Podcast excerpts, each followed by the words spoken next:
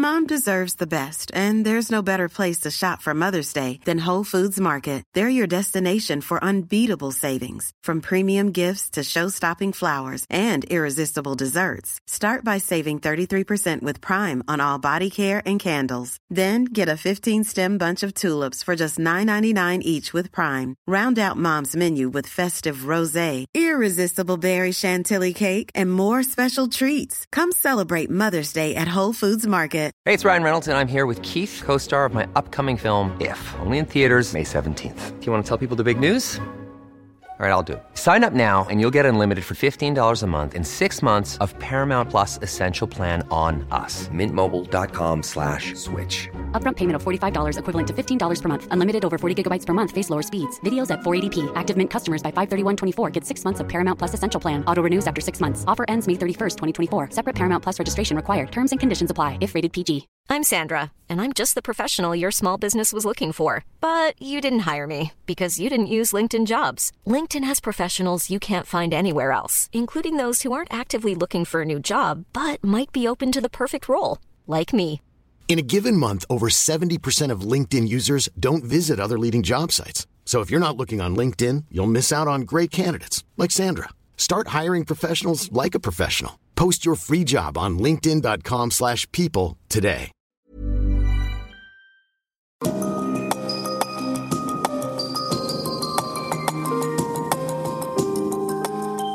Du lytter til podkast fra Oslo Militære Samfunn. Du finner oss på oslomildsamfunn.no, og ikke minst sosiale medier som Twitter, LinkedIn og Facebook. Generaler, admiraler, gode medlemmer og venner av eh, Oslo Militære Samfunn. Hjertelig velkommen til eh, kveldens foredrag. Og tusen takk for sist til de av dere som deltok på stiftelsesmiddagen her på fredag. Der vi var så heldige å ha Hans Majestet Kongen også til stede. Og så tenkte jeg at allerede nå må jeg minne dere om at mandag 4. april er det generalforsamling etter foredraget. Seksa før foredraget. Så det er viktig at så mange som mulig stiller opp for å delta på generalforsamlinga den dagen. Dagens foredragsholder er forskningsleder og førsteamanuensis ved Institutt for forsvarsstudier. Har tidligere vært dekan ved IFS i flere år. Og hun har bl.a. en doktorgrad i statsvitenskap fra Universitetet i Oslo fra 2008. Dagens tema er hennes erfaringsrapport fra Afghanistan. I den forbindelse er det ett tema som har fått stor oppmerksomhet i forbindelse med de vestlige lands operasjoner i Irak og Afghanistan de siste tiåret, det er å løpende være i stand til å trekke de riktige lærdommene av erfaringene i en militær operasjon. Basert på erfaringsrapportene til PRT og intervju med PRT-sjefene tar dette foredraget for seg hvordan og hva det norske forsvaret ser ut til å ha lært av erfaringene underveis i ISAF-operasjonen i Faryab i perioden 2007 2012. Doktor Torunn L. Haaland, vær så god, talerstolen er din.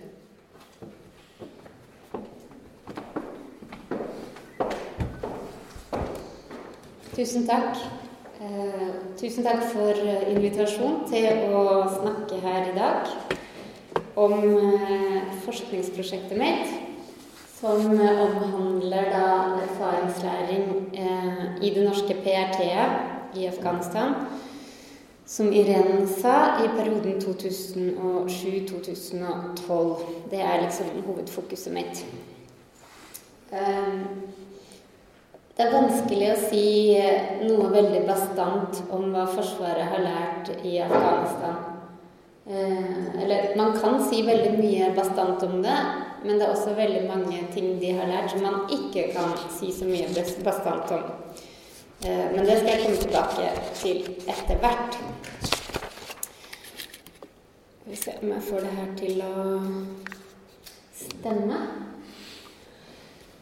Det som jeg skal snakke om den neste halvtimen, det er bare å si litt eh, om eh, hva erfaringslæring er. Det er litt sånn ulike syn på det. Ehm, så skal jeg snakke ganske mye om eh, hvordan erfaringslæringen skjedde i det norske PRT-et i løpet av disse fem årene. Hvordan den skjedde, og hva man lærte. Ehm, og så skal jeg til slutt eh, trekke noen konklusjoner basert på det om eh, hvordan militære styrker kan lære av sine erfaringer i en løpende operasjon. To alternative syn på hvordan man lærer av erfaringer. Eh, Forsvaret har sin egen erfaringslæringsprosedyre. Eh, den ligner veldig på den prosedyren man har f.eks. i Nato. Eh, og det går, an, går ut på at man skal samle inn informasjon. Samle inn informasjon fra erfaringene. Så skal man analysere denne informasjonen. Og ut ifra dette skal man prøve å identifisere hva lærdommene er. Og så skal disse lærdommene distribueres ut i organisasjonen igjen og føre til at man endrer eh, på hvordan man gjør ting. Og da har på en måte læringen skjedd når man får denne endrede praksisen. Um, så er det alternativt syn på hvordan eh, læring skjer fra, fra erfaringer. Og det kalles praksisfellesskapssynet. Eller det har ulike benevnelser, men det er en vanlig benevnelse. Og den eh, sier i grunnen at lærdommer de sitter stort sett inne i hodet på folk. Eh, de utvikles gjennom at man gjør ting sammen. Man erfarer ting. Man kan ikke nødvendigvis skrive det ned, for det er på en måte en slags uuttalt kunnskap. Eh, men man tar den med seg videre når man f.eks. kommer hjem fra Afghanistan, får en avdelingssjefsjobb, utfører den på en annen måte enn man ville ha gjort hvis man ikke hadde denne erfaringen fra Afghanistan. Spørsmålet er om noen av disse eh, alternativene gir god erfaringslæring. Eh, Kanskje ikke, det er slett ikke sikkert. I hvert fall er det noen klare svakheter ved begge tilnærmingene som jeg vil komme tilbake til etter hvert.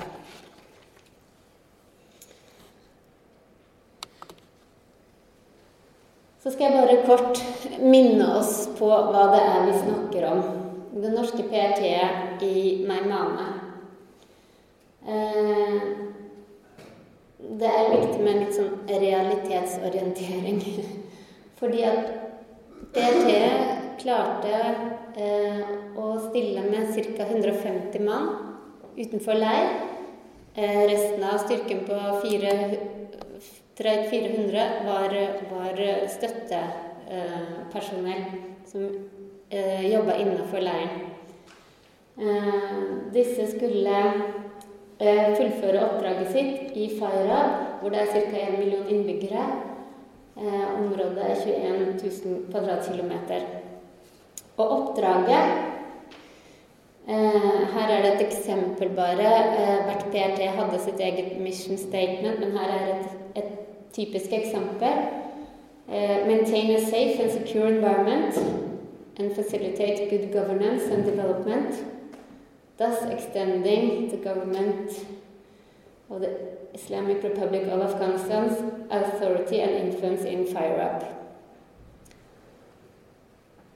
Så det sier seg selv på en måte at 150 mann eh, vanskelig kan klare å skape et trygt og sikkert miljø og tilrettelegge for god eh, myndighetsutøvelse og utvikling på et så stort landområde. Nå skulle de ikke gjøre det alene, selvfølgelig. Eh, det kommer jeg tilbake til. Men likevel, oppdraget er overveldende.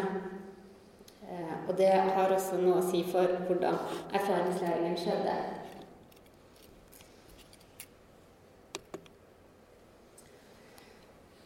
Hvordan løste de norske styrkene dette oppdraget? Bare sånn helt kort så vil jeg dele perioden inn i fire faser.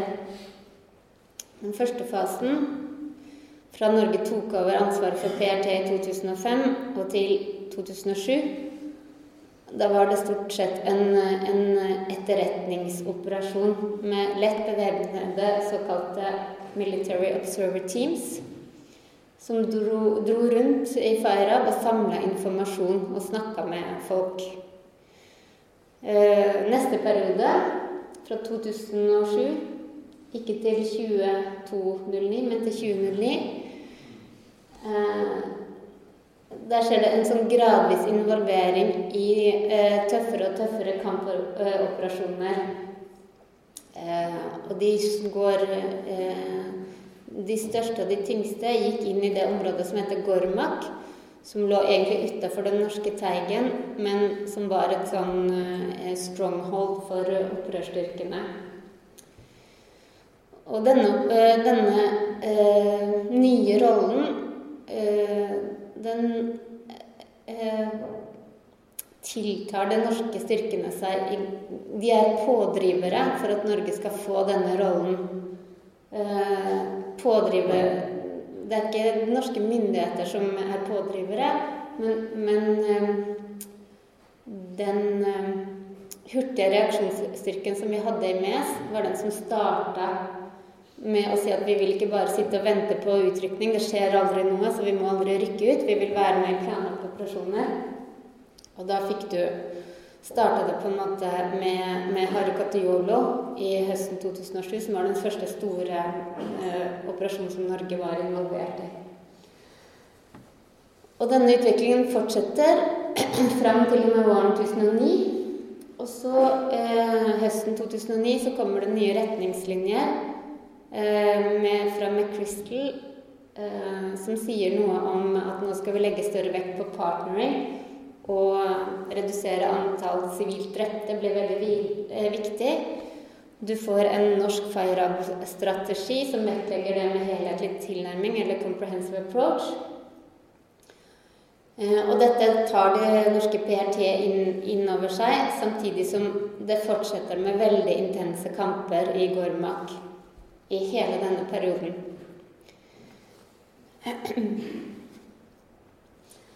Så får du en sånn siste periode, eh, 2011-2012. Eh, på slutten av eh, 2010 eh, så har du, har du mange, en lang periode hvor sikkerhetssituasjonen bare blir verre og verre i, i Fire.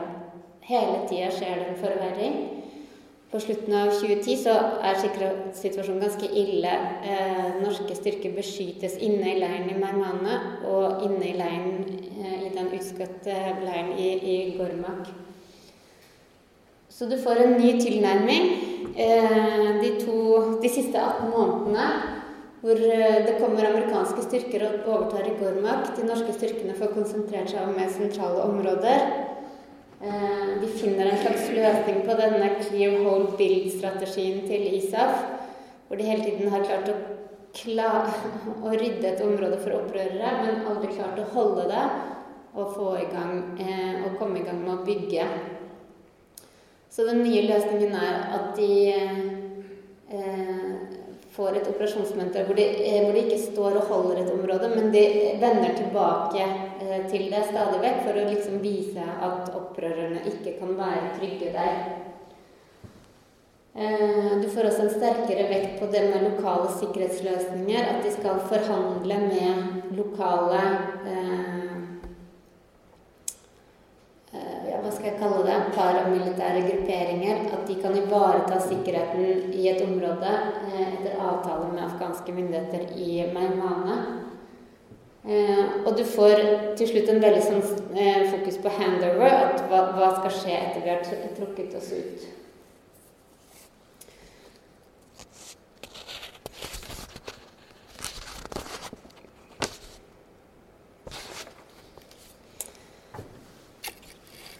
Min eh, Nå skal jeg bare si litt mer om eh, Irén nevnte det så vidt, men jeg skal likevel si litt om hva jeg skal si videre, hva det bygger på.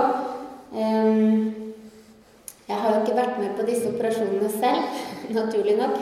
Jeg har vært åtte dager i Afghanistan, så det er hele min Afghanistan-erfaring. Men eh, det bygger altså på disse erfaringsrapportene som eh, alle skriver etter de har vært seks måneder i Afghanistan. Eller alle PRT skriver en samlet erfaringsrapport. Og så har jeg intervjua eh, mange av PRT-sjefene i denne perioden. Og, og, så har jeg vært til stede på mange erfaringsbrifer eh, når folk har kommet hjem. Og jeg har vært med på øvelse FIRAB og ja, vært rundt omkring og sett på hvordan erfaringslæring, erfaringslæring gjøres rundt omkring i Forsvaret. Og så bare si noe om at disse rapportene er gradert begrensa.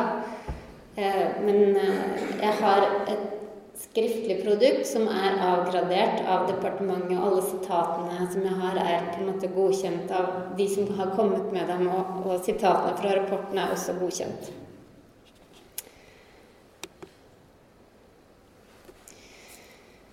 Hva er det den internasjonale forskningen sier om disse spørsmålene om erfaringslæring i Afghanistan? Et veldig vanlig begrep er 'cracking on in Helmen', eh, eh, som er et annet sted enn der hvor de norske styrkene var. Eh, men det har liksom blitt stående litt som en sånn benevnelse på eh, ISAF-operasjonen. Eh, og 'cracking on', det betyr på en måte at uh, Eller som det står der, det er Army's greatest quality and perhaps its greatest weakness. Det betyr at selv om du møter enorm hard motstand, alt virker håpløst, så må du liksom fortsette å kjempe. Ikke gi deg. Bare stå på, gå videre. Og man trenger ikke mye fantasi for å skjønne at det er en verdifull egenskap i, et, i en militær styrke.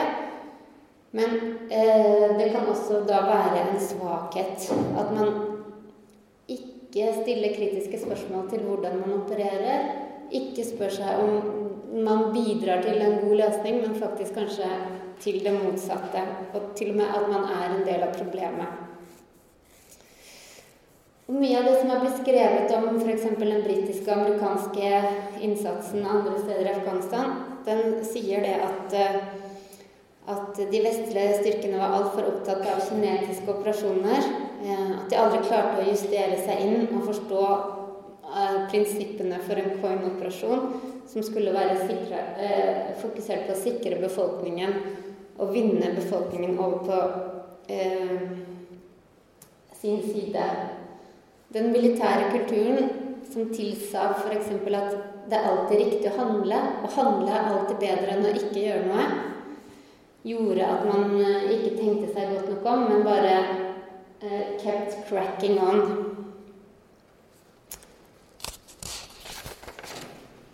Så er spørsmålet er dette også riktig for de norske styrkene. Klarte de å lære, eller fortsatte de bare uh, å gjøre det de hadde gjort fra begynnelsen av hele tida? La meg si med en gang at det er åpenbart at de norske styrkene lærte mye og forandra på mye de gjorde mens de var i Afghanistan. Eh, dette sitatet, som er trykt i Aftenposten i august 2008, det illustrerer ganske godt hva de lærte ganske tidlig eh, i den fasen hvor de ble gradvis mer og mer involvert i kampoperasjoner. Klart i overkant å rase inn med 110 soldater og politi i Ørsmo landsbyer uten å ha sikker informasjon om hva vi er på jakt etter. Vi kan ikke sløse med ressurser på denne måten. Dessuten vil en slik, slik aksjon eh, nødvendigvis føles som et overgrep fra landsbyens side. Det er et eksempel på at eh, man gikk for hardt inn og skjønte det. At det her, det funker faktisk ikke. Det er ikke vi oppnår ikke noe på det, dette viset.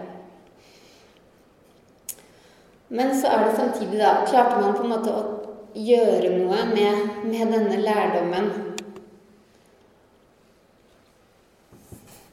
Har dere hørt om Groundhog Day syndrome? Eller har dere hørt om Groundhog Day?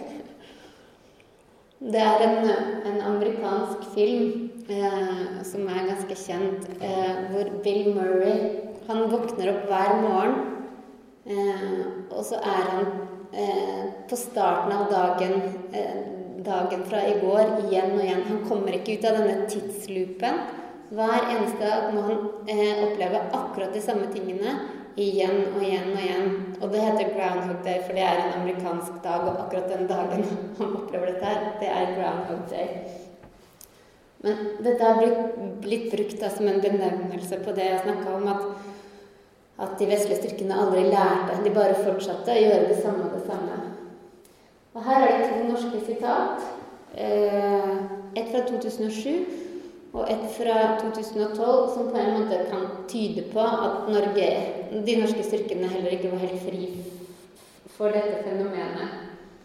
2007, etter Harekate Jolo 2, den første store kampoperasjonen som Norge var involvert i, så sa forsvarssjef Disen dette.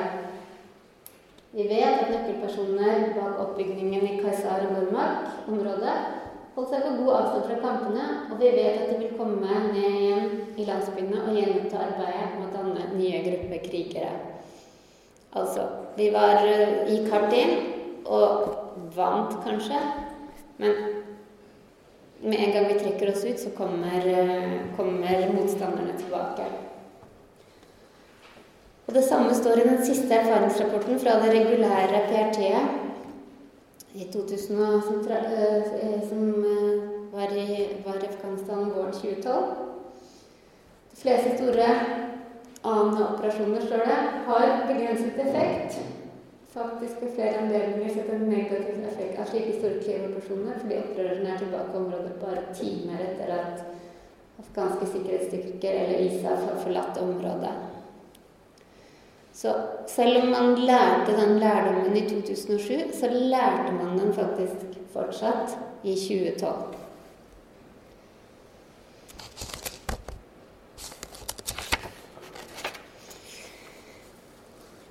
Så kan man spørre seg hvordan det, hvordan det er mulig. Og det er det jeg skal prøve å forklare egentlig nå eh, på de neste plansjene.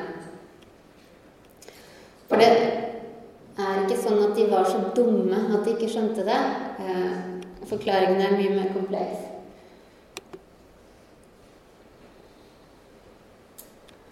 Hva var de viktige lærdommene i det norske PRT-et i denne perioden?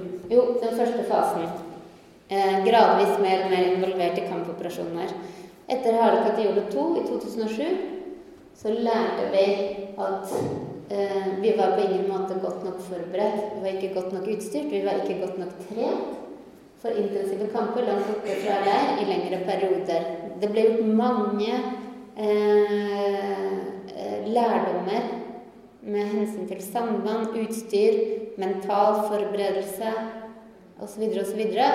Som gjorde at når vi prøvde å gjøre det samme i Operasjon Therese i 2008, så gikk det mye bedre.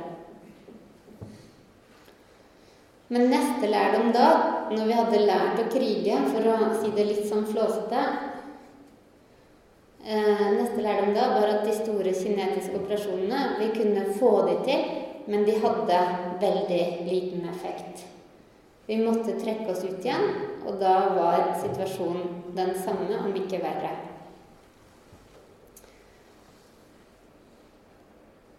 Men så eh, og alle, de, de, lærte virkelig det, og de som jeg intervjua, de sa ja, vi snakka med han som leda Carré, så var, alle visste det da, så det var ikke noe vits å drive med det der. Men likevel så gjorde vi det eh, en gang til, i Tufan i 2009. Og hvorfor gjorde vi det? Eh, jo, fordi at andre hensyn tilsa at vi skulle gjøre en sånn stor operasjon en gang til. Eh, ISAF ønsket det, lokale myndigheter ønsket det. For å på en måte beholde troverdigheten eh, i forhold til lokale partnere, så valgte PRT-sjefen å gjennomføre operasjonen en gang til. Selv om han ikke hadde noen tro på at det ville ha en effekt når det gjaldt å holde og bygge i det området det skulle inn i. Han eh, sa at det var nokså klart for han at det ikke kom til å skje, men det var viktig for å eh, bevare samarbeidet med partnerne og gjennomføre den operasjonen.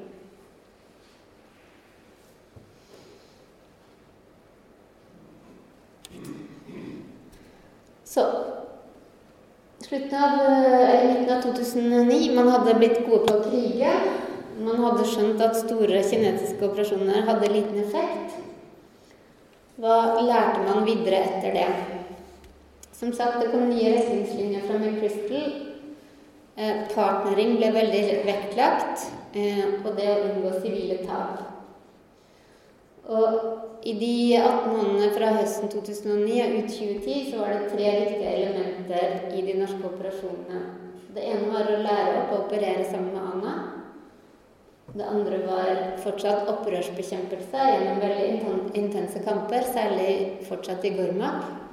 Og det tredje var den helhetlige tilnærmingen, som både var en, en Nato-strategi og en norsk strategi. Ja, det er et spørsmål om man skal kalle det strategi, men det var i hvert fall en, en policy, kan man si. To spørsmål. McChrystal, hvem var det, og hva betyr ANA? Ja, gode spørsmål. McChrystal var, eh, er en amerikansk general som var leda hele ISAF-operasjonen eh, i eh, 2009.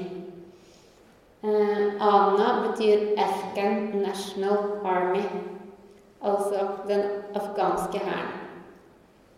Det skulle jeg ha skrevet på norsk.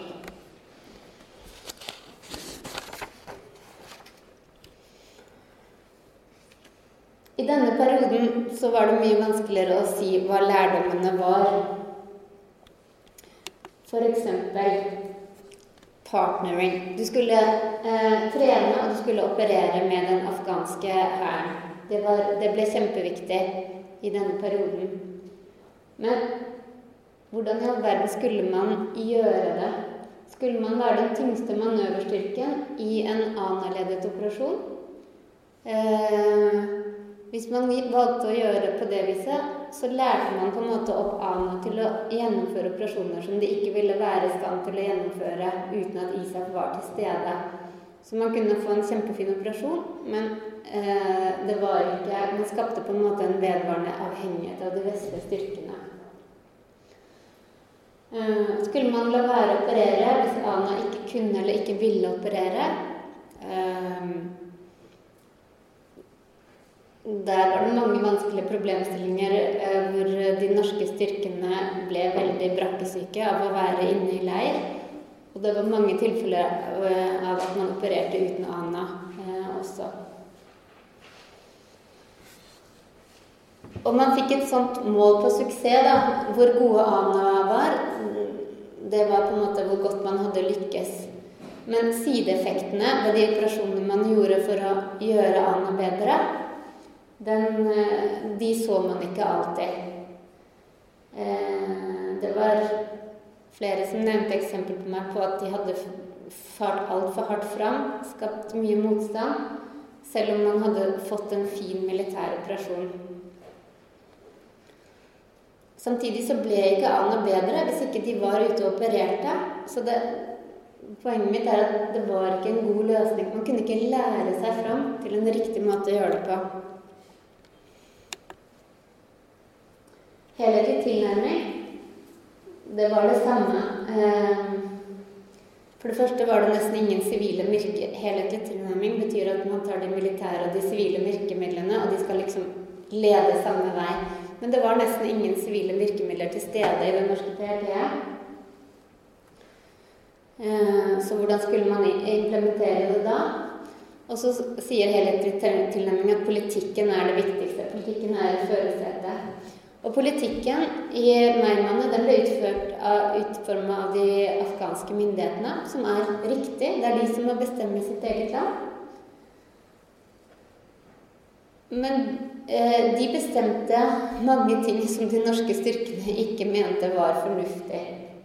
Eh, så PRT har vært prisgitt den sterke styringen av sikkerhetsoperasjonene som provinsguvernøren eh, utøver i Sikkerhetsrådet noe som medfører at man hopper fra område til område på ukentlig basis. Så igjen, det var ikke noen klar lærdom her for hvordan man skulle gjøre det. Det var bare en, en uendelig rekke av dilemmaer som, eh, som man måtte håndtere. Bekjempelse av opprørerne. Samme der. Eh, noen mente at vi for altfor hardt fram. Vi skapte bare mer motstand. Eh, vi vinner ikke den afghanske befolkninga på denne måten, mens andre mente at her i Afghanistan så vinner du Hearts and Mind med å drepe Taliban. Og Det er et synspunkt som har mye for seg. Det er forskning som viser at støtten til befolkningen kommer først når befolkningen føler seg trygg nok til å gi støtten. Men noen klare lærdommer for hvordan man skulle velge, hva, hvordan man skulle gjøre ting, det var vanskelig å få til. Så på slutten av 2010 så var man mange erfaringer rikere, men man var ikke kommet til et sted hvor man visste hva skal vi gjøre videre for å løse en situasjon som hele tiden blir verre og verre.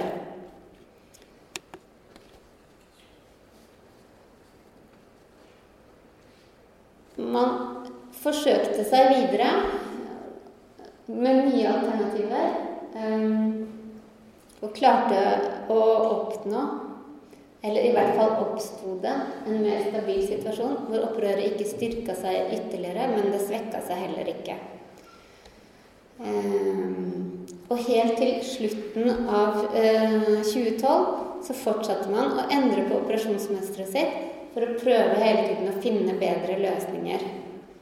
Mer vekt på lokale afghanske sikkerhetsløsninger og mer vekt på å unngå afghansk avhengighet av, uh, av de vestlige styrkene.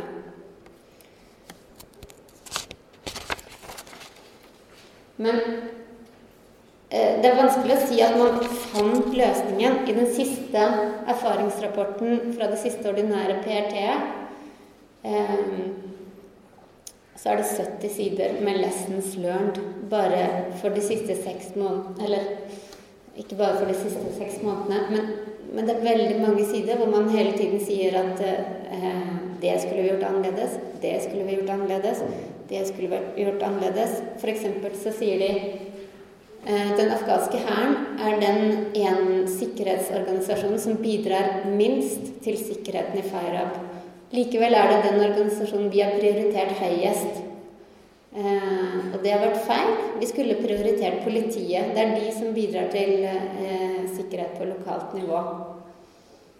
Og det er en eh, kunnskap som man hadde langt tilbake, men først i 2012 så er det noen som sier det, at eh, her har vi faktisk gjort feil.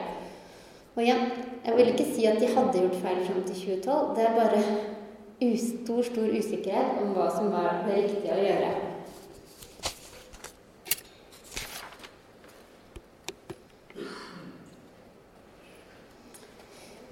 Dette var det forsvarssjefen sa, i hvert fall ifølge Aftenposten, da Norge trakk seg ut av Feirab i 2012. I dag så vet vi jo at fasiten er en helt annen. Taliban er absolutt eh, en viktig faktor eh, i eh, hele Afghanistan. Og det, veldig, det, har vært veldig harde kamper i, i Fairab i 2015. Og det som er på en måte litt sånn mysteriet, da, er I alle de erfaringsrapportene så, så er man veldig tilfreds med det man har oppnådd. Eh, selv om sikkerhetssituasjonen hele tida forverrer seg, så eh, med et, et, tydelig unntak, så er man tilfreds og syns at man har oppnådd mye.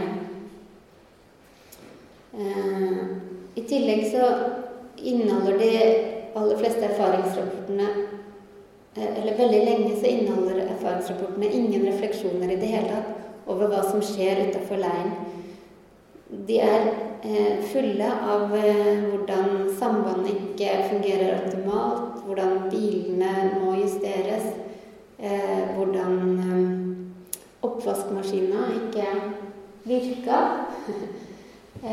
og, og, og, det er noe det er noe, det er ikke for å si at det er dumt, eller noe sånt, men det er veldig påfallende at helt fram til ja, jeg vil si i hvert fall slutten andre halvdel 2010 så står det nesten ingenting i, i erfaringsrapporten om hva som skjedde utafor leiren. Men eh, det blir litt bedre etter hvert. Så hva slags konklusjoner kan vi trekke ut av dette når det gjelder erfaringslæring? Jo, punkt nummer én. Overlevelse vil alltid være det viktigste i erfaringslæringen. Eh, det ble veldig tydelig for meg da jeg var på øvelse FIRE f.eks. at det som eh, det veldig store fokuset er retta inn mot, det er hvordan styrkene skal komme seg eh, hjem igjen i live. Og det er et helt naturlig fokus. Du utretter ingenting med døde soldater. Men da får du et veldig fokus på hvordan du skal få organisasjonen din til å fungere, og ikke så mye fokus på hva den faktisk skal gjøre. Og så er det alltid lettest å fokusere på det du kan gjøre noe med. Utstyret, sambandet, organisasjonen.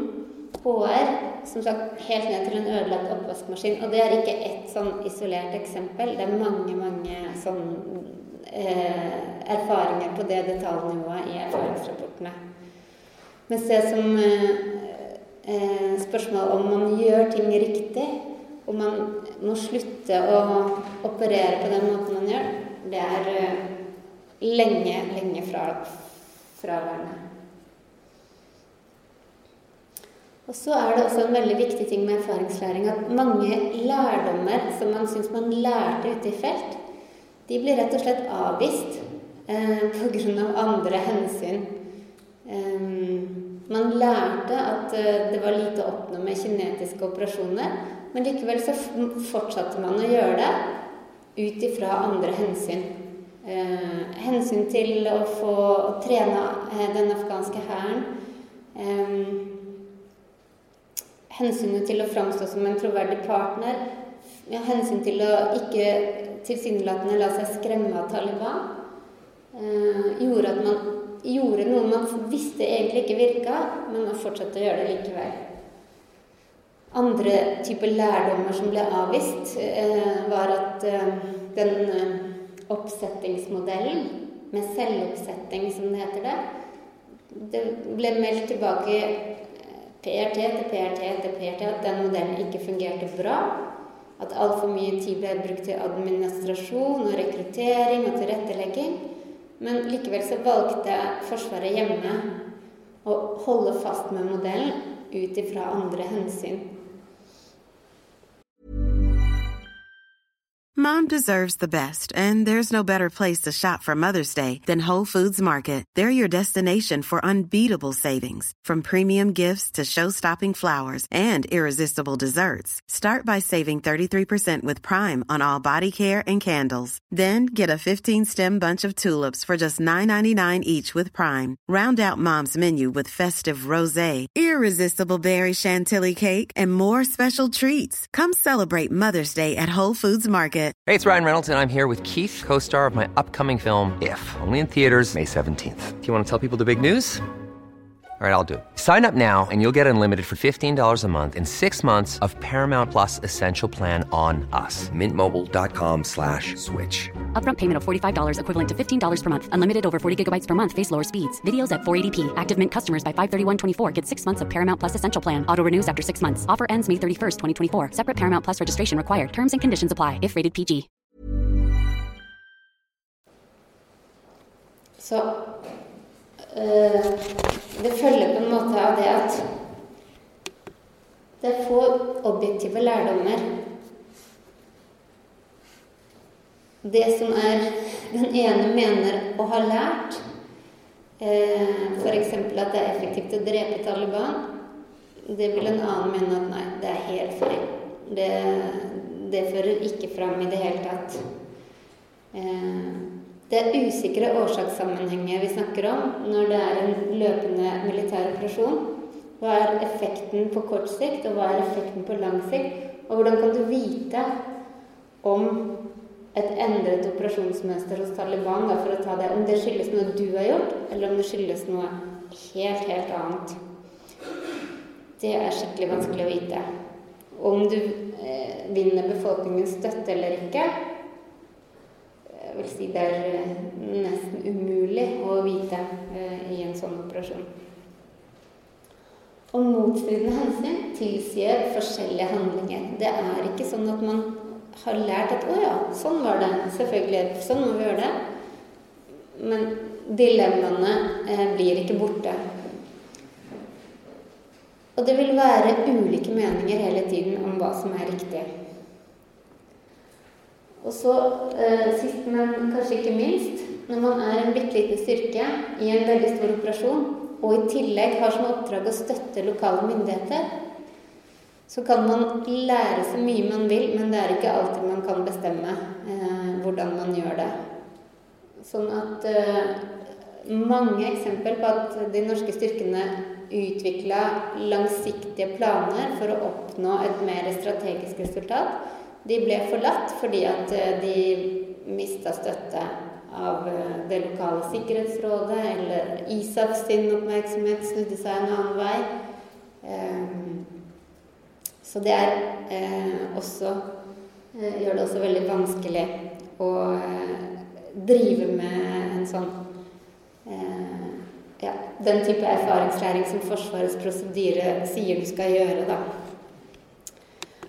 Når det er sagt, så vil jeg jo si også at de tingene som jeg var inne på innledningsvis, at den militære kulturen eh, preger erfaringslæringa, det finner vi også en god del eksempler på i det norske materialet. Eh, de lærte til dels det de ville lære. Nesten alle erfaringsrapporter slutter med at vi trenger å styrke organisasjonen vår, sånn at den vil bli bedre i stand til å gjennomføre eh, kampoperasjoner. Så det var til, til tide i hvert fall et veldig ensidig fokus på kampoperasjoner. Og det er veldig lite selvkritikk eller refleksjon som sagt, over egne operasjoner i erfaringsrapportene. Her var det eksempelet jeg nevnte tidligere. Den afghanske hæren er den enheten som har hatt høyest prioritet i den norske PRT, og samtidig de som har bidratt minst til sikkerheten i Fairad. Vi har hatt langt større fokus på støtte og tilstedeværelse for politiet i viktige distrikter på bekostning av å gjennomføre store operasjoner med den afghanske hæren. Det sa de eh, den siste kontingenten eh, i 20, våren 2012, som var like før vi trakk oss ut. Hvorfor kom, kom det så seint?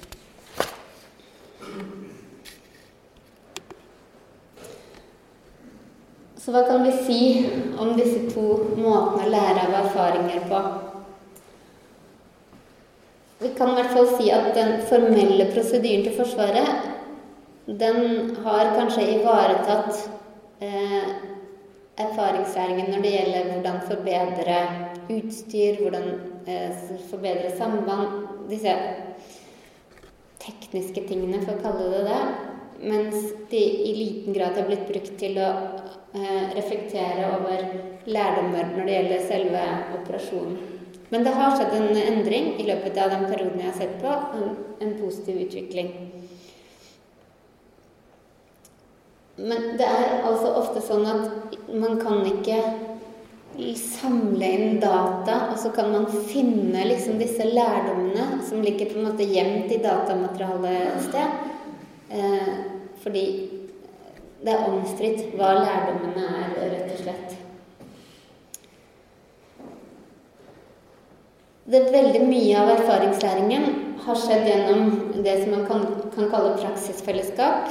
Eh, til det satt i systemet av Forsvaret gjennom sånne mentorordninger, hvor du blir mentorert av de som har vært ute to, PRT før deg.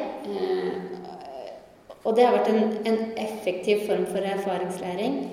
Eh, hvor eh, mye kunnskap som man ikke vil skrive i rapportene, har blitt formidlet eh, ansikt til ansikt. Eh, det som har vært problemet med denne erfaringslæringen, er at den har skjedd innenfor et veldig lukka og, eh, en, en lukka og ensidig tankemåte. Hvor, hvor eh, de som har snakka med hverandre, har hatt den samme bakgrunnen, den samme utdanningen, og har tenkt ganske likt om det som skjer. Og at det har vært kan du si, en mangel på motforestillinger da, i, i disse prosessene. Kunne det ha fungert bedre? Ja, jeg tror det kunne fungert bedre. eh, ville det spilt en rolle. Eh, det er jeg ikke sikker på, fordi at den norske styrken var så liten. Og Feira var tross alt så stort. Eh, men eh, likevel så mener jeg at Forsvaret må eh, se på nytt på hvordan de gjør denne erfaringslæringen sin. Det er for mye Det er for lite Det er for få arenaer, vil jeg si, for kritisk refleksjon. Og jeg har vært til stede på arenaer som har vært designa nettopp for det. F.eks. hvor du skal gå gjennom Operasjon Tufan. Helt uformell setting. Ingen, eh, ingen, skal være redde for å si eh, hva de mener. Likevel så eh, er det som blir diskutert, av en veldig teknisk art. Og ingen spør seg egentlig eh, bør vi slutte å gjøre det her, eller bør vi gjøre det på en helt annen måte. Så hva kan man gjøre annerledes? Jeg har bare lyst til å ta to sitat fra eh, et foredrag som jeg hørte av han som leda eh, innsatsen 22.07. Eh, på eh, utafor Sundvolden eh, eh, på traume. En traumekirurg som leda på en måte innsatsen eh, utafor Sundvolden 22.07. Og han snakka veldig engasjert om erfaringslæring. Og han eh, sa at de hadde snudd hver stein etterpå og sett på alt de hadde gjort. Eh, og de hadde skrevet det ned og analysert det, og så hadde de publisert det fordi at det er et internasjonalt publikum her, og vi kan lære hverandre. Og det andre han sa, var ikke vær selvtilfreds. Ikke si ja, ja, vi gjort det kjempebra. Let hele tida etter hvordan du kan gjøre det annerledes. Og nå blir det kjempespennende å se hva de kommer fram til med den evalueringen som er i gang, oppnevnt av regjeringen om de klarer å eh, være eh, Det er ikke en del av den militære erfaringslæringen, men, jeg tror det er viktige prinsipper å ta med seg for den også. Da tror jeg at jeg skal si takk for meg. Jeg åpner for spørsmål.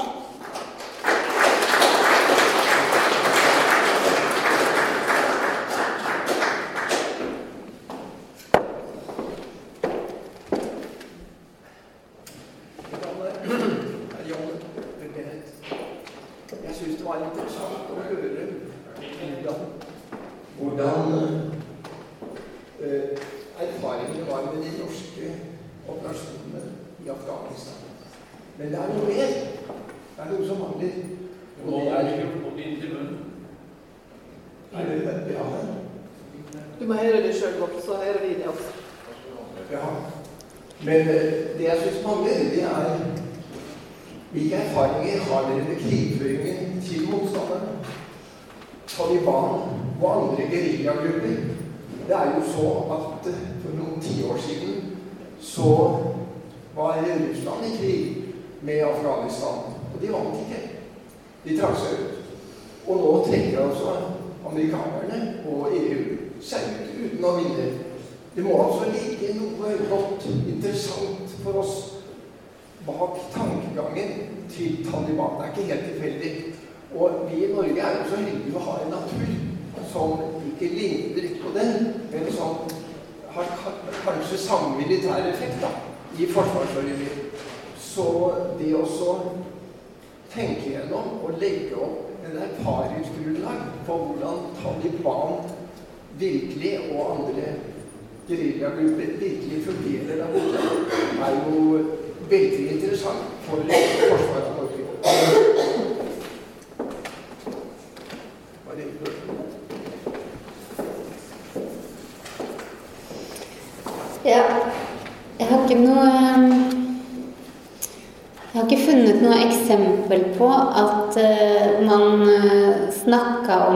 Sovjetiske erfaringene fra Afghanistan. Jeg vet at eh, stabsstudiet eh, de har eh, brukt og lest om de afghanske erfaringene Nei, de sovjetiske erfaringene fra Afghanistan i sin undervisning. Eh, fordi det er, som du sier, mange paralleller, eh, interessante paralleller. Eh, og, og eh, ja. Jeg er helt sikker på at, at, det norske forsvaret hadde mange og gode, mye og god etterretning på hvordan Taliban opererte.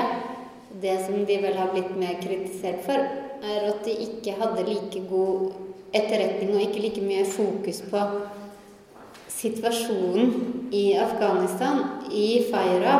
Eh, hva var det som hva var utfordringene for befolkningen der? Hvordan, hvordan kunne man få befolkningen til å, å, støtte de vestlige styrkene? Nå hadde de ikke mange virkemidler heller, da. Det skal sies annet enn militæret i det norske PRT. Eh, og jeg vet de eh, til dels følte en veldig sånn vedvarende kamp med afghanske eh, myndigheter for å prøve å få dem til å engasjere seg mer i hvordan befolkningen hadde det. Um, men ja.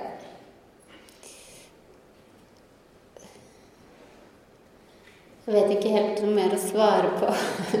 Jeg tror ikke de brukte det Jeg er sikker på at eh, mange som designa operasjonen i Afghanistan, eh, ISAF-organisasjonen, hadde lest om de afghanske erfaringene. Eh, og også prøvd å ta dem inn over seg. Men man lyktes ikke likevel, vil jeg si. Det, det er litt Jeg kan ikke gå helt inn på hele operasjonen her og nå. Men det er et godt poeng å, å se på hva de hadde gjort før.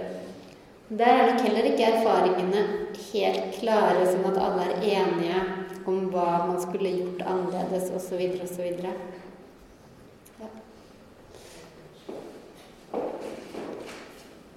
Eh, mitt navn er Tonjan. Eh, takk for en meget tankevekkende presentasjon. Eh, du ga bl.a. uttrykk for at man ikke var godt nok forberedt, utstyrt og trent. Og du presiserte i forbindelse med forberedelse mental forberedelse. Så kommer mitt spørsmål. I hvilken grad har kunnskap om kultur og tradisjoner vært prioritert før, under og etter operasjoner? Takk.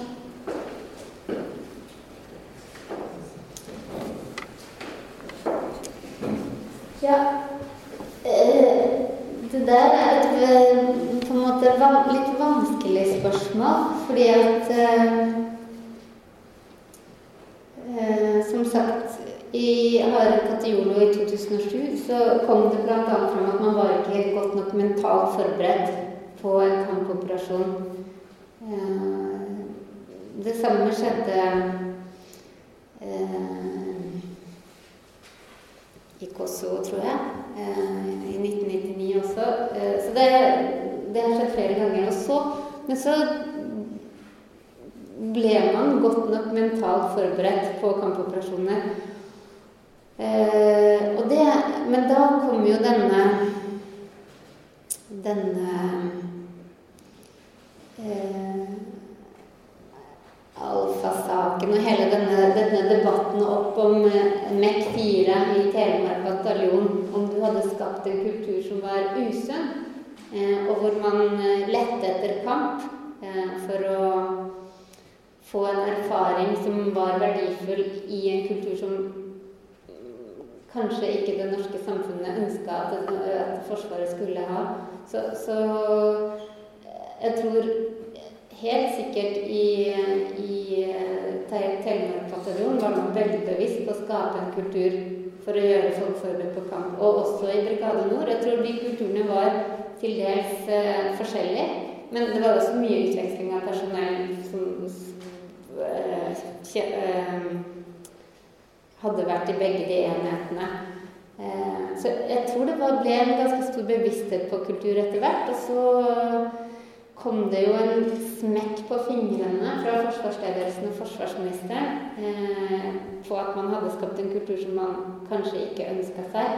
Men jeg tror at det er en av de tingene man sitter igjen med etter Afghanistan. Eh, et fokus på å skape en slags kultur som gjør man mentalt forberedt på å krige, men hvor man heller ikke kan gi et endelig svar på hva en slik kultur skal inneholde for at den skal være i stand til å gjennomføre eh, harde kampoperasjoner, men samtidig ikke skape en kultur som, folk, som gjør at folk eh, ikke fungerer i det sivile norske samfunnet, eller eh, når de skal ut av kulturen igjen, eller at de begår overgrep da, i de situasjonene ute i, i operasjonene. Men jeg tror det har blitt at det, der har det skjedd en veldig klar utvikling har blitt mer bevisst på kulturen. Men som sagt ennå ikke noe endelig svar på hvordan denne kulturen skal være. Ja.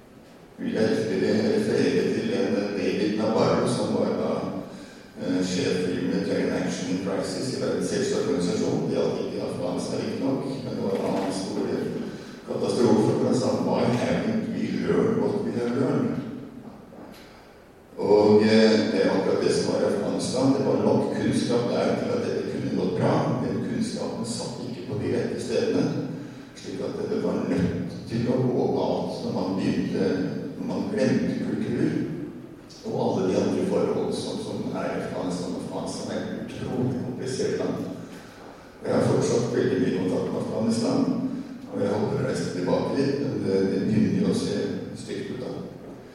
Og en ting som jeg savner ved at norske innsats, også Operation Green Freedom og senere ISAF, for amerikanere var jo separate bildene, det er har man identifisert de indikatorene som er nødvendige for å faktisk evaluere om denne mission er suksessfull. Og da snakker vi ikke om output, vi snakker om outcome. For alle PRTs operasjoner de hadde positivt output.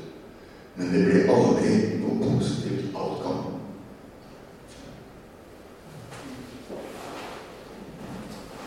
Nei, det er et, et veldig godt poeng at at du vil jo få en tendens til å nettopp fokusere på output, fordi at outcome er så vanskelig å måle. Det er mye Du kan det, De målte antall dager ut av leir, og så målte de mye på hvordan den afghanske hæren forbedra seg. Ble flinkere til å operere. Mens outcome er eh, igjen eh, Hva er effekten i dag? Det er én ting, men hva er effekten i morgen? Om en uke? Om en måned? Om et år? Eh, det er utrolig vanskelig å, å måle. Jeg har lest en av de mest anerkjente forskerne som snakker om dette når det gjelder de britiske styrkene, så sier han at ja, men men etter eh, de nye direktivene fra McChrystal, så, så gikk tallene for sivilt drepte ned. Så det var jo et bra outcome. Eh, og det er jo veldig bra at tallene for sivilt drepte gikk ned, men, men, likevel så sier ikke det at så mye det, det, sier noe om ok, du må, du må bruke mindre av den upresise luftmakten, da, eh, så ikke du får så mange sivilt drepte. Men det sier ikke så mye om hva du hva du, hva du skal gjøre for å likevel å nå fram til eh, det sluttresultatet du, du, ønsker å nå fram til. Eh, å måle det når du har vært i en landsby eh, eh, Gjort et eller annet, hva effekten av det er, er utrolig vanskelig. Eh, erfaringen gir på en måte ikke noen klare svar. Den er eh, forvirrende, vil jeg si. Så derfor så tenderer vi til å måle output i stedet for outcome, fordi det er så vanskelig å måle.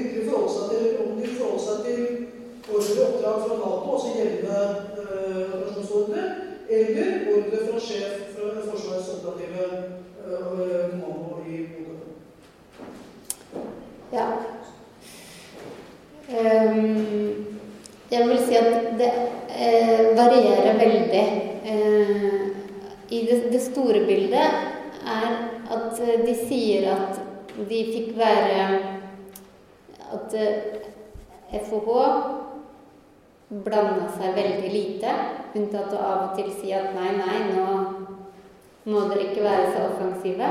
Men ellers så de, følte de seg vil jeg si, alene eh, med de beslutningene de tok. Eh, at de hadde på en måte god støtte fra FHH når det gjaldt de praktiske tingene. Men, eh, men at de ikke fikk noen særlig direktiver for hvordan de skulle operere. Eh, det gjelder også mye i forhold til eh, RC Nord og ISAF. Eh, at det, det, var mye at eh, PRT-sjefen nede i Maimane han gjorde mye som han ville. Og de sterkeste direktivene vil jeg si, de, de kom fra de afghanske myndighetene. Og det var jo etter boka. Eh, de skulle hjelpe de afghanske myndighetene til å befeste sin posisjon. Så alle operasjoner ikke alle operasjoner, men store operasjoner de ble beslutta i dette sikkerhetsrådet hvor guvernøren, eh, som ble ledet av guvernøren i, i Maimane. Og som det ene sitatet sa, de agendaen til de, den skifta ofte. Og de norske forsto ofte ikke hva, hva, som var bakgrunnen for at agendaen skifta heller. Så de, det de sa, var at de prøvde på en måte å unngå den type operasjoner som hadde en ren politisk agenda, hvor de ville bruke militær styrke for å kvitte seg med noen fiender som var litt for plagsomme. Eh, men å si ja til operasjoner som var eh, virkelig å gå inn og hjelpe befolkningen som ble trakassert av eh, Taliban eller noe sånt. Så, så mitt inntrykk er at de sterkeste føringene kom ikke fra SNOR eller fra FH, men fra Sikkerhetsrådet i, i Maimane as it should, vil jeg si. For det, det var jo dem de skulle hjelpe. Men eh, så tror jeg også det var veldig stor eh, handlefrihet, for å si det sånn, for de som var f.eks. i Gormak. Jeg tror ikke de sjekka alltid før de dro ut på tokt.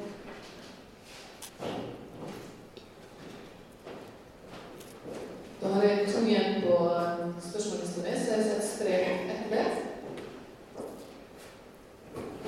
Det er jo bare eh, Altså, PT mange var jo alene altså, det var flere områder, men mange PT-er i hele Afghanistan. Og de alle PT-ene jobbet jo egentlig med den samme overordnede mission. og hva skulle gjøre. Eh, har du i det arbeidet du har gjort, eh, eh, hatt anledning til å sammenligne eh, med andre PRT-er? For jeg vet at det var en diskusjon også både hvordan PRT-ene var organisert, satt opp og osv. Og at det var andre som kanskje hadde en bedre løsning enn den nordmenn hadde i utgangspunktet. Er, er det du har trukket frem av erfaringslæring osv., er det noe som er liksom enestående for det til man maner, eller er det, eh, har du fått sett noe på om det er sammenlignbart i andre PRT-er, eller om noen har kanskje hatt en bedre løsning enn det nordmenn har hatt? Jeg har ikke gjort noe sånn systematisk eh, grunn, grunnforskning på det selv, så jeg må bare eh, si, basert på arbeider som jeg har lest av andre, eh, om andre PRT-er og andre lands styrker. Og det, det som var spesielt med det norske PRT, var at det var så militært dominert. Eh, det var eh, nesten ikke en sivil eh, enhet, mens andre PRT-er hadde en mye sterkere sivil ledelse og, og egne sivile kapasiteter. Eh, men utover det så vil jeg si at mitt inntrykk er at mye eh, når det gjelder erfaringslæring, at det er mye det samme. Eh, man klarte ikke å eh, Man ble veldig opphengt i disse Eller det er feil å si man ble veldig opphengt, men fokuset ble veldig på eh, det som du kan kalle output. Eh, på de tekniske tingene, på hvordan man skulle klare å operere bedre. Eh, eh, mens man eh, ikke på en måte klarte å løfte blikket, da. Det blir liksom feil sagt. Man klarte nok å løfte blikket. Men, men hovedfokuset var på disse overlevelsestingene, kinetiske operasjoner, eh, og tilpassing av dem. Forsk, forskning fra andre land viser på en måte det bildet. Eh, og det stemmer også med det norske. Det som er spesielt med det norske sammenlignet med den forskningen som er på amerikanske og britiske styrker og sånn, er at det norske PRT er så lite. Sånn at de har eh, Jeg vil tro at når amerikanske styrker snakker med afghanske partnere om hvordan de skal gjøre det, så er tyngdeforholdet litt annerledes. Mens eh, eh for et liten, liten, liten styrke som den norske, så, så er handlingsrommet mindre, vil jeg tro. Mye av den forskningen som handler om det andre landet, så er ikke de afghanske partnerne til stede. De, de omtales ikke. Det virker som et nokså lukka system. Men i det norske materialet så er eh, samhandling med afghanere og utfordringer knytta til det en veldig sånn fremtredende aspekt etter hvert ute i operasjonen.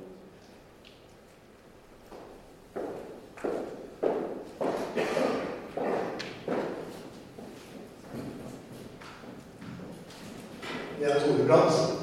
En av de mer kontroversielle delene av dette har vært eh, den norske måten å innrette seg på i forhold mellom det militære og det sivile, altså NGO-ene. Har du gjort noen eh, refleksjoner, eller gjør, er, har man kommet så langt at man prøver å trekke noen erfaringer av den kursen som Norge har valgt, og som du i og for seg selv har kommet med noen kritiske eh, kommentarer til? Og vet du hvorvidt det på sivilt eh, område, hvor, hvorvidt man i disse norske NGO-ene har også prøvd parallelt å trekke erfaringer fra det engasjementet man har vært gjennom i Afghanistan?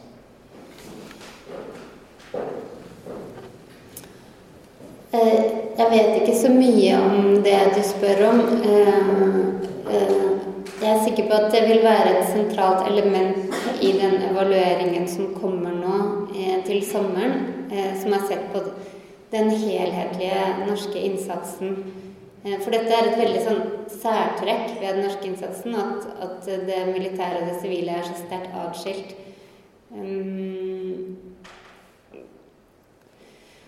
jeg tror eh, basert Det her blir litt sånn basert på det, ting jeg har hørt. Men jeg tror at bistandssida mener fortsatt at det er en helt riktig strategi. At uh, man må passe på at ikke uh, det humanitære rommet blir ødelagt av å være en del av en militær styrke. at bistandsmidler skal gis helt uavhengig av uh, den militære operasjonsordenen. Og, og, at den norske strategien var helt riktig. Eh, vil jeg tro. Eh, Ut ifra eh, ting jeg har hørt egentlig bare, så, så vil jeg anta det. Um, men vi får se hva evalueringsutvalget sier, om de, om de har et mer blanda syn på saken. Det, det, er mye man kan si kritisk om den norske tilnærmingen. Men det er også veldig mye man kan si kritisk om eh, bistandsprosjekter som ble satt i gang av folk som eh, militære som ikke kan bistand, og som var eh, kortsiktig, ikke sustainable. Eh, skapte konflikt fordi man ikke hadde tenkt godt nok gjennom konsekvensene av å hjelpe én part og ikke en annen part. Så, så igjen, det er ikke en klar erfaring der heller. Jeg tror vi må leve med at folk vil mene ulikt om hva vi har lært, også på det området. Okay.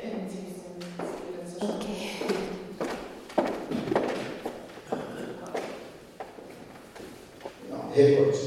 Tor Knutsen, Forsvarsbygg, Ålgårdskaptein. Jeg var i Fjærsen i 2007 sammen med Berntsen. Da flytta vi inn 150 mann. Og vi dro derfra i juli 2012, så var PR-tjent på ca. 1200. Så det var en vesentlig oppbygning. Så du fremstiller det som om PR-tjent var statisk under hele perioden, men det var det ikke. Og vi hadde betydelig støtte både fra amerikanere og fra latviere. Når det gjaldt det sivile elementet, så var det til stede i PR-tjenesten men det var veldig personavhengig hvorvidt samarbeidet fungerte eller ei. Men det som var ganske påtakelig, var at amerikanerne hadde med seg egne bistandsfolk som var kledd uniform og drev bistand i Farah, mens nordmennene de ville kunne gjøre det sivilt. Med det resultat at de stort sett ble sittende innenfor leiren uten å bidra i det hele tatt. Og så vidt jeg kjenner til, så var det ingen PR-sjef, iallfall ikke de årene jeg var der, som igangsatte noen egne prosjekter og brukte midler utenfor. Men en ting jeg savner i foredraget ditt, og det var Sundnes så vidt inne på, det var at uh, i Afghanistan så begynte man med operasjonen Enduring Freedom.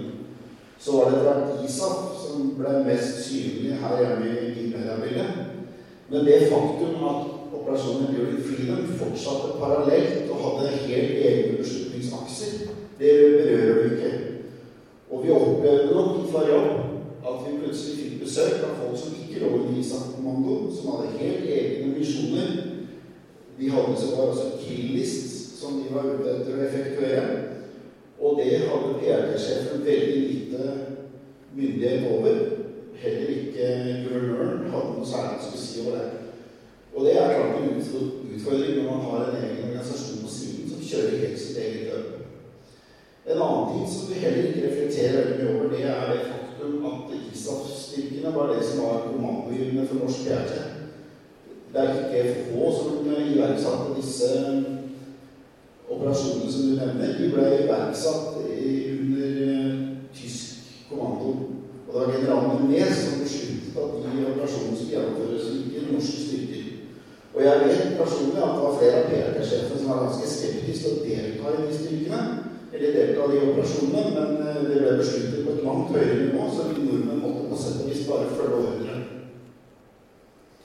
Så refleksjonen samler jeg der. Du kan kanskje gjøre noen tanker rundt det, både det faktum at Enduring Freedom fins, og at norske styrker er avgitt til ISAF, og derved altså ikke under norsk kommando. Um, nei, jeg har ikke snakka noe om Enduring Freedom. Uh, um, jeg vet godt det du nevner, at det kom styrker som, som ikke de norske hadde noen myndighet over. Men temaet mitt er erfaringslæring, og, og det jeg har prøvd å si, er at at en liten styrke som den norske har begrensa selvstendighet. Det er, du, det er, det du sier også, at, at uh, av og til var det RC Nord som bestemte, av og til var det afghanerne. Det er helt riktig at de ikke hadde At FH hadde, Norge har avgitt styrkene.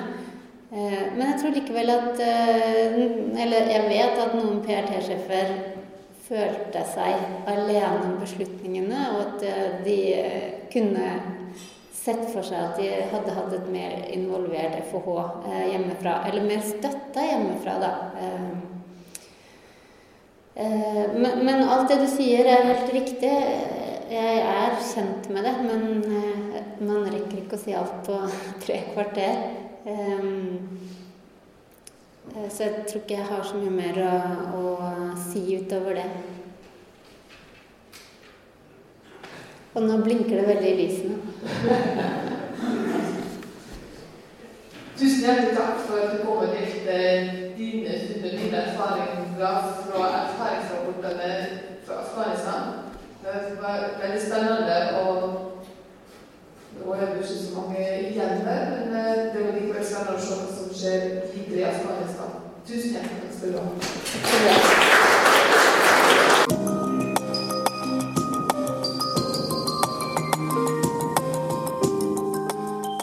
Du har hørt podkast fra Oslo Militære Samfunn.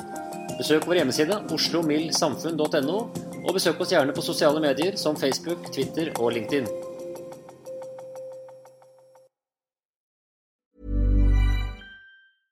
Mom deserves the best, and there's no better place to shop for Mother's Day than Whole Foods Market. They're your destination for unbeatable savings, from premium gifts to show-stopping flowers and irresistible desserts. Start by saving 33% with Prime on all body care and candles. Then get a 15-stem bunch of tulips for just $9.99 each with Prime. Round out Mom's menu with festive rosé, irresistible berry chantilly cake, and more special treats. Come celebrate Mother's Day at Whole Foods Market. Planning for your next trip? Elevate your travel style with Quince. Quince has all the jet setting essentials you'll want for your next getaway, like European linen, premium luggage options, buttery soft Italian leather bags, and so much more. And it's all priced at 50 to 80% less than similar brands. Plus, Quince only works with factories that use safe and ethical manufacturing practices. Pack your bags with high-quality essentials you'll be wearing for vacations to come with Quince. Go to quince.com slash trip for free shipping and 365-day returns.